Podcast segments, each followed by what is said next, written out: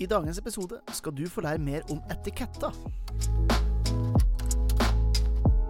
Hei, hei, hei, ølgærninger, og velkommen til en ny episode av Ølprat, podkasten som leverer entusiasme og ølkunnskap rett i øret ditt. Mitt navn er som alltid Jørn Idar, og jeg er kanskje bitte litt overtent, men sånn er det bare når man setter sitt ry og rykte i eh, spill og skal arrangere Norges mest awesome ølarrangement. 4. februar, kulinarisk ølsirkus på Grorud. Det er den ultimate julegaven eller farsdagsgaven eller hva det måtte være. eh, det her altså. Så det er bare å få det på. Kjøp billetter. Link i shownotesen. Eh, jeg har med meg en ganske spesiell herremann på dagens eh, episode. Jeg er veldig glad i å gjøre ølprater, ikke bare med folk som er direkte bryggere og i bryggeribransjen, men òg litt utafor. Og dagens gjest er absolutt en eh, sånn en. Så jeg tenker at det er nok eh, babbel fra min side. Det er på tide å fylle kaffekoppen, eventuelt glasset, med noe høyt skummende, og lene tilbake for denne episoden av Ølprat. Da ønsker vi velkommen eh, til ølprat eh, fra Digital Etikett, Kjetil Hovland. Eh, god dag, god dag. God dag, god dag. Eh, og da kan det jo hende det sitter et par, et par ølgærninger og hører på den podkasten her og tenker ja, men eh, etikett, er ikke dette en, en ølpodkast? Eh, men eh, jeg, har jo med meg folk som er i og rundt ølbransjen. Og, og tidligere her så har vi hatt med oss bl.a. et par designere som har snakka det her med å designe et grafisk uttrykk til et bryggeri. Men det er jo ikke noe tvil om det at de kan jo bare designe så mye som de vil. For hvis du ikke får det uttrykt på flaska, så er man jo egentlig like langt. Og der kommer jo, kommer jo dere inn, Kjetil. Kan du ikke, kan du ikke begynne sånn først litt med, med din bakgrunn? Hvem er, hvem er Kjetil Hovland? Ja, det skal jeg si litt om, vet du. Han, eh, han er 53 år blitt, altså. Men han, eh, han eh, jobba i Oslo i mange år. Tolv år i Oslo. Og da var jeg leverandør faktisk til trykkeribransjen. Og kanskje mest innenfor T-skjortetrykk og, og, storformat og plakattrykk. Det var der det begynte. Og Eh, I 2005-2006 eh, i Oslo så begynte jeg å gå litt lei egentlig på den jobben jeg hadde, og, og begynte å fabulere om å flytte hjem igjen til Sogn, der jeg eh, er født og oppvokst. Mm. Og så snakka jeg jo med en del trykkeri, og jeg hadde litt ideer da om, om etikettbransjen. For det hadde jo mer med, det handla om nye maskiner og ny teknologi som var kommet. Som gjorde til at du kunne produsere digitalt, mindre serier, kjappere levering osv. Og så sa jeg dette her til de som produserte etiketter i Norge, at, hadde, at, ikke, at ikke de gjorde det sjøl. At de begynte å tenke i mindre eh, skala. For jeg så jo eh, det poppa opp av, eh, av småskalaprodusenter rundt i Norge. Og jeg kjente jo mange som jobba med både øl og ost og mye annet på den tiden. Mm. Og de måtte alltid kjøpe så store serier. Eh, og så eh, sa disse konkurrentene, eller ikke konkurrentene, altså de som produserte etiketter, at det var altfor dyrt og altfor vanskelig. og Nei, de skulle ha den gamle teknikken, for den kunne de stole på. Og de kunne kjøre masse, masse etiketter ut. Og så gikk det litt sånn troll i ord. Jeg, jeg, jeg, solgte huset på Bekkelaget og min nye bil, og så fikk jeg med meg familien på tre små barn og tilbake til Sogn. Og Så putta jeg pengene inn i et aksjeselskap, og så starta jeg eh, digitaletikett i en garasje. Mm. Og da kjøpte jeg ganske dyre maskiner. Um, um, før jeg kjøpte maskiner, så, så produserte jeg litt etiketter borte i Malmö. For da hadde jeg en, en kompis som drev med etikettrykkeri og kjørte digitalt der borte. Ja, okay. Så da trykte han litt etiketter for meg i starten eh, i 2007, da når jeg kom hjem igjen. Og dette gikk, Jeg fikk ganske fort eh, eh, altså skjønne, skjønte fort at dette her kunne bli bra. For eh, det var populært med kort leveringstid og små serier. For eh, mm. Norge er jo et lite land. Og det som blir produsert, er ikke nødvendigvis så store volum som i, i Mellom-Europa og nedover eh, ellers. Så jeg fikk egentlig ganske god følelse fort, og da, eh, da gikk jeg eh, til innkjøp av eh, maskin. Jeg hadde en, en omsetning første halvåret på 250 000, og så investerte jeg i, i digitale maskiner for 7, 7 millioner. Ja. så da var jeg ganske stort sprang, da. ja, det, det, vil jeg, det, vil jeg, påstå. Og, og Du starta opp da i, i, 2007, og så ser du som du sier det, det gikk jo et, et, par år med investeringer og i det hele tatt. Men jeg må jo innrømme at jeg har jo, jeg har jo sneket litt på, på regnskapstall. og du har jo gått eh, mye i Altså et positivt resultat eh, tolv år i strekk, og ifølge lokalavisa så ligger det, være, ligger det an til å være 13 eh, år på, i strekk med ganske, ganske, godt resultat. Så det betyr at du var jo inne på noe som eh, Noe som folk tydeligvis vil ta, da. Eh, jeg ser jo på, på kundelista deres i, i, dag, så har dere jo altså, kall det storkonsern, da, sånn som Lerum og Jotun og i det hele tatt, men de her var vel kanskje ikke de første kundene som du, du hadde? Nei da, det er godt reflektert. For det, det handler jo egentlig om småskala og små serier når jeg begynte. Og jeg kommer jo inn på eh, øl etterpå, eller ganske fort egentlig. Men eh, det, det, det begynte der. Men samtidig så snakka jeg med Lerum. Lerum er jo ei stor bedrift her i Sogn. Og Jeg snakka med Lerum før jeg flyttet fra Oslo faktisk, og spurte om de òg kunne tenke seg å kjøpe små serier. Eh, mm. Og da kunne de faktisk, for når de lanserer et nytt syltetøy eller en, et nytt produkt, så lanserer de ikke millionen. altså Da lanserer de noen eh, titalls tusen, kanskje. Mm. Og, og, de hadde heller ikke tilbud om, eh, om små serier. Så de tykte det var en god idé. altså, så De store tykte det, når jeg med dem, så tykte det var en god idé, men de så jo at det, det var kun på nylansering de kunne være med. Mm. Og så eh, Når det gjelder veksten min, så, eh, så viste det seg fort at de små seriene ble jo mange, og at jeg kjøpte nye maskiner som gikk fortere og kunne produsere mer. Så nå vi jo, kan vi jo produsere store serier òg i dag. Men nå har det gått mm. mange år, altså. Men i starten så var det hovedsakelig småskala som jeg tenkte. Mm. Ja, og det er jo et, sånn sett så er det jo et perfekt tidsrom der. Jeg, altså rundt eh, 2009, 2010, 2011. Det var jo da man begynte å se lokalmat, altså småskalaprodusenter, etablere seg, om det måtte være eh, ja, på ost eller kjøtt eller, eller øl, da, eh, for den saks skyld. Så sånn sett så var jo timingen var jo helt, eh, helt nydelig. Men kanskje eh, Kanskje der med, med, med en, en, litt stor ny gjeld og masse fine maskiner og et litt ukjent navn, så var det kanskje litt eh, litt høy puls eh, de første årene? Ja, det, det var noe sånn søvnløse netter. Ja. For det, er, vi var jo da, jeg ansatte jo en, en god mann eh, når jeg starta. Sånn at jeg kunne reise rundt i Norge. og Jeg reiste jo fra Kirkenes til Mandal. Mm. Og jeg, jeg, kjøpte meg en gammel Audi, for jeg hadde jo solgt den nye bilen jeg hadde. Og så kjøpte jeg en gammel Audi som jeg eh, som nesten ikke gikk, vil jeg si. Jeg, men jeg, da reiste jeg land og strand og, og, og besøkte og knakka dører. altså. Og Det er jo sånn mm. jeg, byg, jeg bygde opp markedet de første åra. Og um, jeg var bl.a. i Grimstad veldig tidlig, og som var en god start på øleventyret. og um, mm. Det var, det var, snakk om å bygge seg opp et, et navn et merkenavn. og um, Jeg traff voldsomt godt, som du sier. For uh, fokusen på, uh, på lokalmat og fra jord til bord og på ost og, og kjøtt og, og, drikkevarer, den, den blomstrer virkelig fra 2010 og, og utover. Mm. Ja, det vil jeg tro. Og du nevnte Grimstad, og, du, og da er det, jo, det er veldig fort å tenke eh, Nøgnø for oss ølgærninger, i, i hvert fall. Eh, hvordan var, var, veien inn eh, for din del og digital etikett inn i, i ølbransjen? Nei, Det var jo en fantastisk reise som begynte allerede i 2008. kan jeg si, For jeg møtte jo Evan Lewis på Egir, eh, mm. og han nå er jo her i Sogn. Og Han var jo akkurat begynt så vidt da i, eh, i den tiden. Og fikk en god samtale med han. Og så møtte jeg jo Kjetil Jikuen da i Grimstad i, vel i 2009. Og Det som passet veldig godt for disse gutta her, var jo at jeg produserte små serier og mange variabler.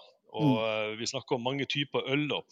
Var, ikke, da var, det slutt på bare pilsen eh, og dette her som det kjenner godt til, eh, at vi fikk mange varianter. Og et, et stort mangfold innenfor ølbransjen. Og det passet jo perfekt at jeg kom med digital etikett og kunne produsere da uten kostnader for kunden. Jeg kunne endre design uten kostnader. Når det er digitalt, så er det kun snakk om at du, du det, er jo, en kopimaskin vi kjører. Mm. Og vi endra jo design fortløpende på etikettene til Nøgne Ø og, og Eger i starten. Og, så det var, det var, virkelig gull. Og jeg husker Kjetil spesielt, han syntes det var utrolig bra. For han han endret, Den tiden der så var det mye uh, artige design på Nøgne Ø, som, hvis de kan huske tilbake. Og det kom jo ny design kanskje en gang i veka og en periode. Og uh, han Designeren òg husker jeg godt, jeg hadde mye samtaler med han. og Det var en kamerat av Kjetil. og um, Da snakka jeg mye med dem, og, og, dette var gull for dem. Og de endra mye og gjorde mye spennende. Og Kjetil var jo òg en ambassadør inn mot andre som starta med produksjon i Norge. Mm. Så han var jo virkelig en som var profeten kanskje da i, i den starten. Og, og, han solgte ikke bare eh, altså, mikrobrygga mikrobrygg øl, han solgte jo òg etiketter, egentlig. Så han ja. solgte, solgte, oss egentlig inn, han. Så han skulle egentlig ha fått en kommisjonspakke, han, fra det. ja, han har vært utrolig viktig for oss i den fasen der. Og sammen med Evan Lewis. Og i, i den forbindelse kom òg Espen Lote Eh, på Kinn. Eh, på inn. Så jeg, jeg, var så heldig å møte disse gutta her som var tidlig ute, og som mm. har, virkelig fikk et, et stort uh, fotfeste i markedet. Mm. Ja, for det, uten at du skal bli for teknisk, så eh, sånn som jeg forstår det, må, må du, her må du jo faktisk korrigere meg, men eh, tradisjonelt trykk, da lager du en stanse som du trykker etikettene med, mens, eh, mens når det er digitalt, sånn som, sånn som, du gjør, så kan du egentlig endre det, som du sier, da digitalt, så du slipper å endre en hel, en hel plate. Eh, så det blir mer som en, en uh, ordentlig high-tech kopimaskin. Er ikke det en sånn cirka rett oppsummering av, av det? Jo, det er riktig. Det, du kan si at Hvis du ser på et bilde i dag, så består det av eh, minimum fire farger, altså smykker. Da. har du eh, alle fargene i et bilde.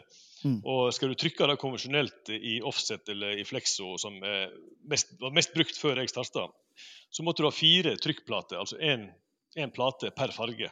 Mm. Og De må fremstilles. og Mange trykkeri måtte jo kjøpe sånne plater ute. altså De lager ikke sånne trykkplater sjøl. Og Så må du legge platen inn i en maskin, og så må du blande en farge i en boks, og så må du tømme det inn i maskinen. Så det blir altså en flytende farge og en trykkplate som overfører fargen. Mm. Og eh, de fleste i dag har jo, eller de som på den tiden hadde jo både fire og seks og åtte farger i en sånn maskin.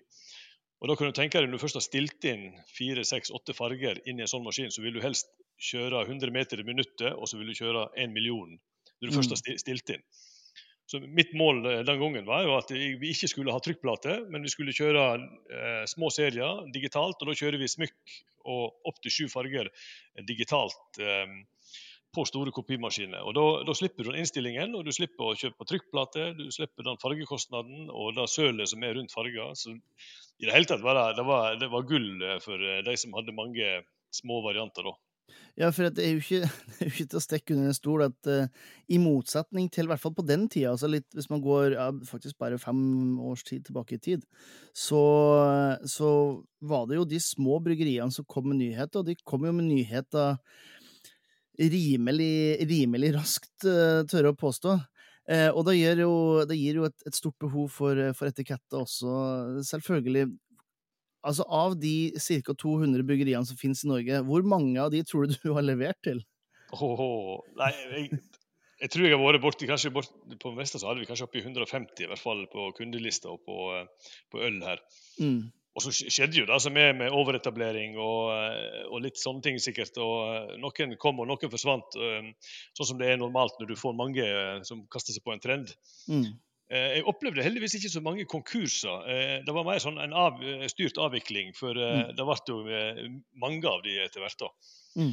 Men det som du sier, så var det utrolig mye spennende øl, og det er det fortsatt. altså. Jeg tenker litt tilbake til når jeg starta i 2007. Det var jo nesten bare pils på hylla. Ja. og så går du inn i dag og så ser du. Det er, det er fascinerende innenfor den bransjen, ja, og på som du nevnte, ost og, og andre lokalmatvarer. Så er det kommer et større mangfold inn, altså. Ja, ikke sant. Hvordan, hvordan syns du øl skiller seg ut i forhold til, til mat, for eksempel, i, i deres eh, ja, både grafiske uttrykk, men også eh, behov? Det, det, altså, det, er faktisk ganske likt. Uh, hvis du tenker helt sånn overordna, så er det ganske likt. Eneste øl vet jeg de bruker mer, mer ressurser og mer, de er mer kreative på budskapet og utseendet. Mm. De, det er derfor kanskje drikkevaresegmentet er blitt stort for oss. Eh, for nå snakker vi ikke bare om øl, og jeg er inne på sider og inn på brennevin, altså på gin osv. som er blitt og stort i Norge. Mm. de, de bruker mer, mer, tid og ressurser på design, og der er det mye kult. Mm. Og nå kan jeg si da at før vi, Når vi snakker om maskiner, så den siste kopimaskinen jeg kjøpte, kosta jo 20 millioner. Mm. Eh, så det er jo store investeringer her, det er store maskiner. Og så kjøpte jeg òg en maskin i 2020 som, som er Vi er eneste i, i, Skandinavia som har. Og det vil si at Da kan vi legge på eh, spotlakk og gullfolie og sølvfolie digitalt. Mm. Og det er ingen andre som kan gjøre. Og det er spesielt innenfor drikkevarer så er de flinkere å bruke sånne effekter Eh, som gir rett og slett eh, et, et mersalg, og som gjør til at du stopper opp litt mer på ei hylle med, med, øl enn du gjør med uh, ost, f.eks. Mm. Um, for der, der, der, skiller de seg ut, altså. Og som du sjøl nevnte, også, at det er mange varianter, og det er mye kul design der. Altså. Mm. Dagens episode er presentert av de fantastiske patrionsene til Ølprat. Dette er mennesker som en gang i måneden donerer en liten eh, sum penger for å holde Ølprat i gang. Og som takk for det får du jo en eksklusiv Patrion-episode, tidlig tilgang til de her episodene, og selvfølgelig de siste nyhetene aller først. Og faktisk, hvis du melder deg inn i dag, så får du muligheten til å få en rabattkode til Kulinarisk ølsirkel, som faktisk er så stor at den vil eh, faktisk betale for eh, Patrion-medlemskapet ditt. Så eh, hvis du liker det du hører, sjekk ut eh, patrion.com slash olprat, eller sjekk linken i shownotesen. Nå er det på tide å gå tilbake til ølpraten. Ja, du, du, har jo gått fra å ha kanskje litt av de mindre kundene til å få ja, sånn eh, Altså kunder sånn som Arcus og Makt da, innenfor drikke, drikkeverden, som jo er noen av de, av de største som er. Hvordan, eh, si, hvordan, hvordan ser eh, hvordan ser eh, samarbeidene ut i, i tida framover? Det er jo litt sånn usikkerhet i vår bransje, i hvert fall i forhold til Eh, ja, kanskje spesielt strøm, da, men eh, akkurat der kjenner kanskje dere også litt på at det, det strammer litt? Ja, nå er vi heldigvis i en kraftkommune her oppe, og eh, det, det har sine fordeler å ligge i distriktet av og til. I hvert fall. Jeg, jeg skjønner at Hadde jeg ligget på Jessheim, så hadde jeg hatt et større geografisk område for kunder rundt meg. Mm. Men vi har litt andre fordeler her oppe i, i Sogn. Og mm, annet at vi blir litt subsidiert på strømmen, det er jo én ting. Og så har vi jo Eh, et næringsfond i kommunen, og vi har Innovasjon Norge som òg er flinke på å stille opp når jeg, eh, når jeg, har et nytt prosjekt her. Det er jo mm. fantastiske eh, muligheter. Eh, ellers, som du sa, i ølbransjen så er det klart at det, det er jo Det som nå skjedde med Hansa òg, eh, så er det jo færre av de store som er, er norske. Og mm. ikke at det bekymrer meg. Det er jo, jeg pleier ofte å si at det er Stenger du ei dør, så åpner du en ny dør. Eh, så det er ofte at du som, du som forbruker kanskje blir mer bevisst på at du kjøper eh, norsk øl istedenfor at du kjøper en, en sveitsisk øl. Mm. For det er jo sveitserne som eier hele Carlsberg Group, og som igjen eier Hansa nå, så det er jo blitt et, et, og har Ringnes osv. Så jeg tror kanskje at den norske forbrukeren innenfor eh, øl, som man er innenfor eh, mat, at han er mer bevisste. Og etter pandemien kanskje enda mer, at de var mer bevisste på at de kjøpte eh, norskproduserte varer. Mm. Og, og det, det, er så viktig for meg òg at eh, det er derfor jeg merker kartongene mine som går ut med etiketter, at vi, det er jo produsert her i Sogn. Og Det samme gjelder innenfor for mat og drikke. tenker jeg at folk er bevisste. Folk er mer bevisste. Og det står på etiketten nå at det er produsert uh, i Bergen eller er det er produsert uh, på Inderøya. Det er, og det syns jeg er fantastisk. Og det er jo den lidenskapen som er, eller den entusiasmen jeg ser når jeg er ute hos, uh, hos Da er jeg litt tilbake igjen i tid til Kjetil, når han snakka, eller Even Lewis eller Espen Lothe, når de begynte. Den entusiasmen har smitta over på meg òg. Og mm. Så jeg tenker at i, den tiden som er usikker nå, så er kanskje selvforsyningsgraden mer eh, viktig, og folk ser på det eh, på en annen måte. Mm. Ja, det tror jeg nok du har, eh, du har rett i. Jeg hørte ganske nylig en svensk ølpodkast eh, med et svensk bryggeri, og de drev og, og um, skulle beskrive monopolene eh, Norge, Sverige og Finland. Og han hørtes ikke så, veld, veldig blid ut, fordi at uh, nei, Norge det var ikke noe vits i, for at uh, de drakk bare norsk uansett hva det var for noe. så, så det, er en, det, er jo en, stolthet, uh, stolthet, i det. Men det er jo klart at jeg tenker jo i et segment sånn som du kanskje ikke direkte leverer i, men jeg vet jo sjøl fra de, de, de, bøkene som, som jeg har fått, uh, fått laga, så blir jo det, det blir jo printa altså i Latvia eller Litauen eller Estland eller Polen eller altså lavkostland. Så det er jo klart at uh, det at uh, man kan, kan, ha litt ekstra stolthet i, i, hele produktet, ikke bare ingrediensene i og hvor det er produsert, men også at det faktisk etiketter fra, fra Sogn og Fjordane, det vil jeg tro kan gi en liten en positiv merverdi, tror du ikke det?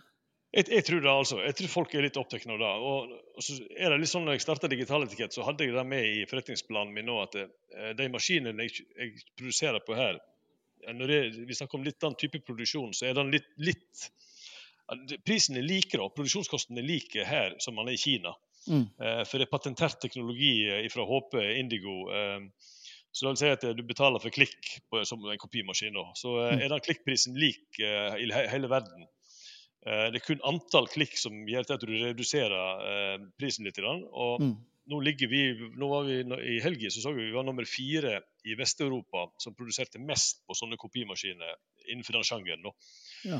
Så da, da, er, da, er, da, er, prisen egentlig litt mye mindre forskjell på oss og Øst-Europa. Og det har jeg sett mm. pris på. at de, de, de, skal ikke bare handle hos meg for at jeg er i Sogn, men jeg tror jeg kan være konkurransedyktige på pris i og med at jeg kjører den teknologien jeg kjører. Så.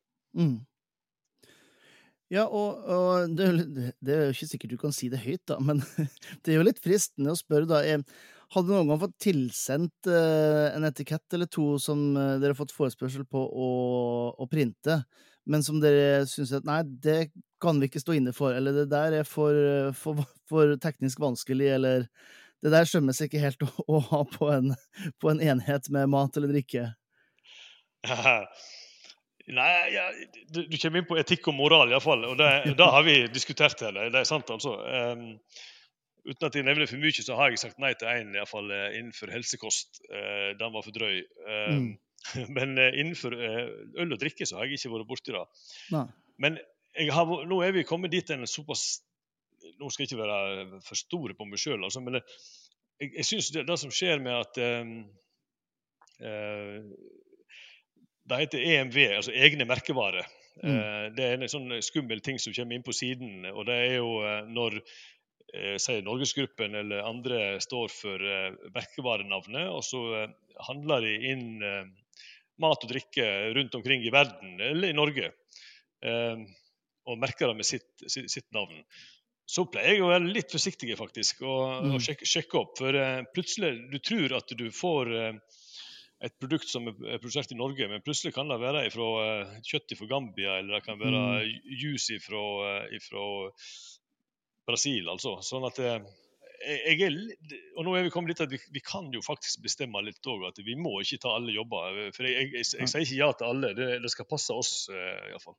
Ja. Eh, for de som er litt interessert i ja, vi, skal ikke, vi skal ikke gjøre det her til en, til en egen merkevare eh, egen merkevareepisode, eh, for der, har jeg, der merker jeg jeg får bare mer og mer å si om akkurat mine følelser rundt da etter hvert som tida går. Men de som er interessert i å, å, å finne ut litt mer om problematikken om det nå er det jo én manns, uh, manns tanker, der, men uh, Anders Nordstad blogg på Facebook, han har blant annet han har brukt ganske mye tid på å, å dra fram uh, problematikken med, med, med hvordan, det, hvordan, de tre store, da, uh, for eksempel uh, blåkopierer Gilde, men det er egne merkevarer som de henter av og til fra Norge, av og til fra Tyskland, av og til fra um, om det er Belgia eller Nederland, eller hvor det er. Så jeg kan jo skjønne Det er jo litt en fordel med at, at du har hatt en såpass fin vekst da, i, i såpass mange år, at det som du sier, du kan du kan justere litt ja. i forhold til uh, hva dere sjøl har, har, lyst til å være med på, kanskje? Ja, jeg tror ikke det er viktig, altså. Uh, du kan godt peke på ting, men jeg tror da du, uh, du må må begynner med seg sjøl, i hvert fall. Og du, du, nevner jo ting her eh, som jeg når jeg går på butikken. Eh, jeg er jo bevisst på hva jeg velger. Jeg velger jo Gilde, jeg eh, velger ikke Folkets. Jeg, eh, mm. jeg kjøper Tine sin vaniljesaus. Det var vel andre som skrev om Tine sin vaniljesaus òg, som var kopiert i farge og design omtrent, altså. Ja, så, eller de, de hadde en, måtte endre det, fordi at Norgesgruppen hadde laga en kopi av det, og så ble det ny den Piano. Og mm. den blåkopierte Rema 1000.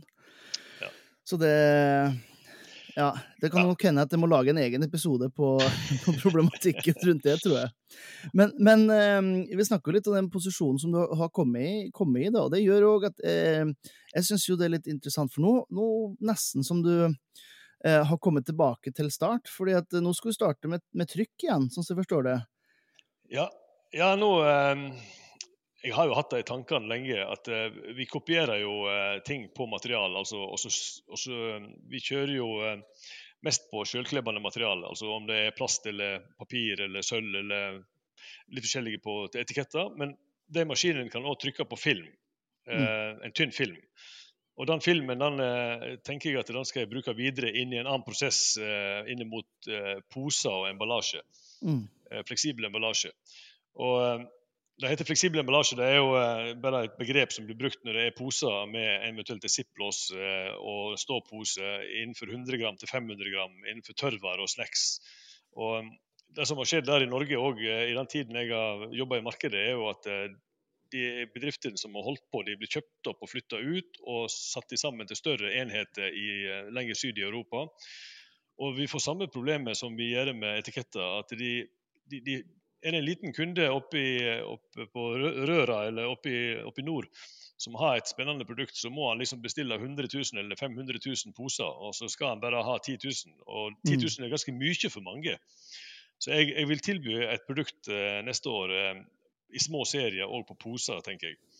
Og så er dette her med plasten er fy-fy, og helt riktig for mange å si at plast er fy-fy, men vi må tenke på hvilken type plast vi kan bruke. sånn at det, Målet mitt er å lage en, en fabrikk som lager poser med monoplast, altså det vil si det er lik plastfraksjon, eh, sånn at du kan kaste den i plastavfallet. og Håpet og målet mitt er at jeg skal få den tilbake igjen som resirkulært og bruke den en gang til. Mm.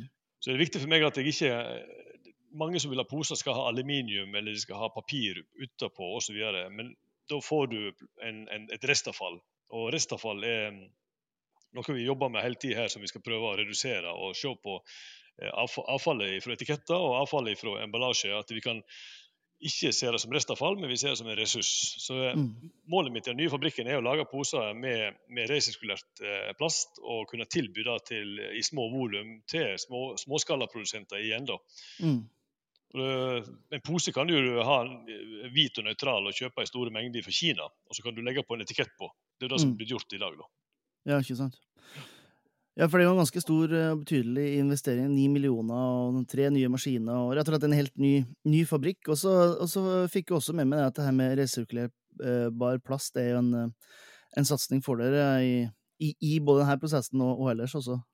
Absolutt. Et, et, det, nå er vi blitt eh, mi- miljøfyrtårn, eh, det var vi i fjor. Og så eh, er det en satsing videre i den sammenheng. Mm. Eh, For vi må ta det inn over oss, eh, planeten og jorda vi bor på. Og eh, litt tilbake igjen til egne merkevarer omtrent, altså, men at du må begynne med deg sjøl og hva du kan gjøre. Og nå sitter jeg i en posisjon som jeg kan gjøre og prøve å påvirke og jobbe med det bevisst. Mm. Og, og få til produkt som er, er, kan brukes opp igjen, istedenfor at det blir brent og kasta. Og, og ja, det, det er jo en, en utfordring, eh, det, det klimaet vi lever i. Mm. Ja, det er helt sant. Det merker man jo sikkert òg i, i, i, i Sogn og Fjordane, vil jeg tro, som jo er kjent for ganske mye, mye frukt og bær. og det, det er nok store endringer på, på gang der også, vil jeg tro, i, for, i forhold til, til det rent dyrkningsmessige, vil jeg tro.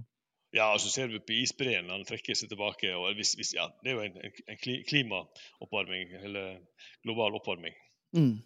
Men jeg, jeg har lyst til å si en ting eh, mens, vi bare, eh, mens jeg husker det, og det er viktig for den bloggen òg, tror jeg. eh, Og, for jeg tror mange av dine lyttere kanskje tenker litt på det materialet jeg bruker. Mm. Jeg skal bare ta kort om det, for jeg, jeg hadde det som en, et, et ord. For det er mange innenfor, innenfor ølbransjen som ønsker seg en etikett som de lett kan ta av. Mm. Jeg tror Det er De har lyst til å bruke flasken en gang til. Mm. Eh, og da, da skjønner jeg. Og det er jo faktisk også et miljøaspekt ved det, at de kan gje- gjenbruke flaskene sine. Ja. Eh, bare en kort eh, replikk fra min side først i hvert fall, på at hvorfor ikke det er så lett å ta de av. Og det handler jo om eh, eh, Hvis du går til eh, ja, si Kinn-bryggeri, eksempelvis, eller ta et bryggeri som da eh, setter på etiketter i, på samlebånd. Mm. Eh, så er det viktig for alle som driver på på samlebånd, at etiketten for det, det, De skal jo produsere mest mulig timen, de òg, da. Ja. Og da må etiketten sitte på ei flaske som ofte kanskje er litt ustabil i, eh, i forhold til at den er, kan være litt fukt på den og kan være litt andre ting, og dette skal sitte godt med en gang. Ellers så blir det veldig mye rot på linja og i pakkingen etterpå. Ja. Så, så alt eh, med etikettlim handler egentlig om produksjonen til den som skal ha etiketten. da. Mm. Det er derfor det er vanskelig å gjenbruke de flaskene. Bare så, eh, å si litt om det. Ja. ja, så neste gang man prøver å få av eh, etiketten på en uh, Syfjell eller en Austmann eller eh, hva det måtte være, så, vi, så kan man forstå hvorfor nå. Ja, jeg håper det. Ga- At jeg ga litt forklaring på at det, det viktigste er at de, er fornøyde. Jeg, jeg kunne jo tatt en avtagbar lim som var lett å pirke av, men da hadde Mm. det blitt vanskelig, vanskelig Ja. i pakkingen. altså. Ja, ikke sant? Og antagelig en god del, eh, en god del eh, svinn på etiketten også. Det, det er jo heller ikke bra sånn miljøaspektmessig. Nei, jeg tror det, er- og da Hvis etiketten detter av under pakkingen eller under transporten, så tror jeg det hadde blitt dårlig stemning. i hvert fall. Ja, det tror jeg du har helt rett i. Nei, men, eh, men Kjetil, eh, da vil jeg bare si tusen takk for, for praten. Før jeg lar det, jeg lar det få, få slippe helt unna, så, så har jeg ett spørsmål som jeg stiller alle som er med på, på Ølprat. Og det er egentlig kjempeenkelt, og så kan det også være litt, eh, litt vanskelig. Og det er hvis du skulle hatt eh, en, en god øl- og matopplevelse, eh, hvilken, eh, hvilken øl eller øltype ville du valgt til hvilken type mat? Oi. Det er så mye som avhengig av eh, Som jeg pleier ofte å si, det er tid, tid og stemning og årstid. altså Det er så mange faktorer innenfor øl og mat. Eller mat og drikke. Det har så mye med eh, når på året jeg sitter og nyter det. Mm. Men nå har jeg, prøvde vi lutefisken nå på, eh, eh, på lørdag. Eh, for vi nærmer oss eh, jo en viss tid der. Og den kan jeg den kan jeg faktisk ikke ete, tror jeg, uten en, en god øl attmed.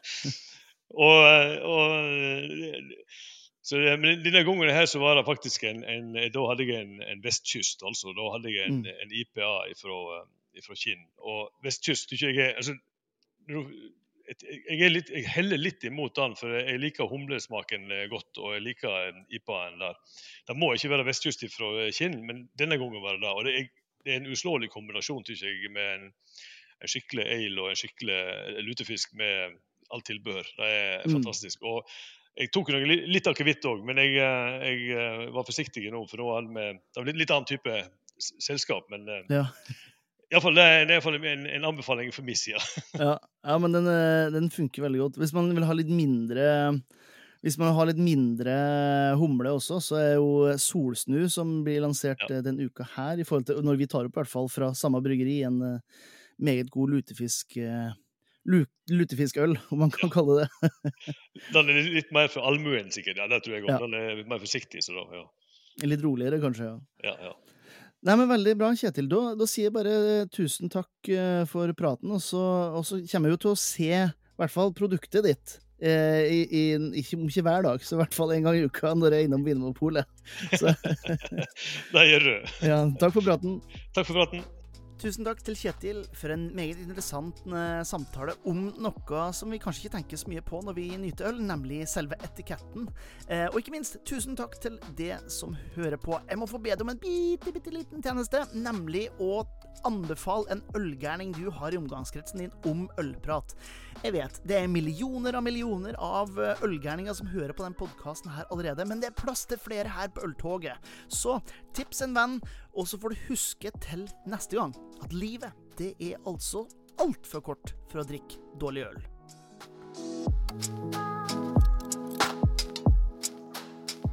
thank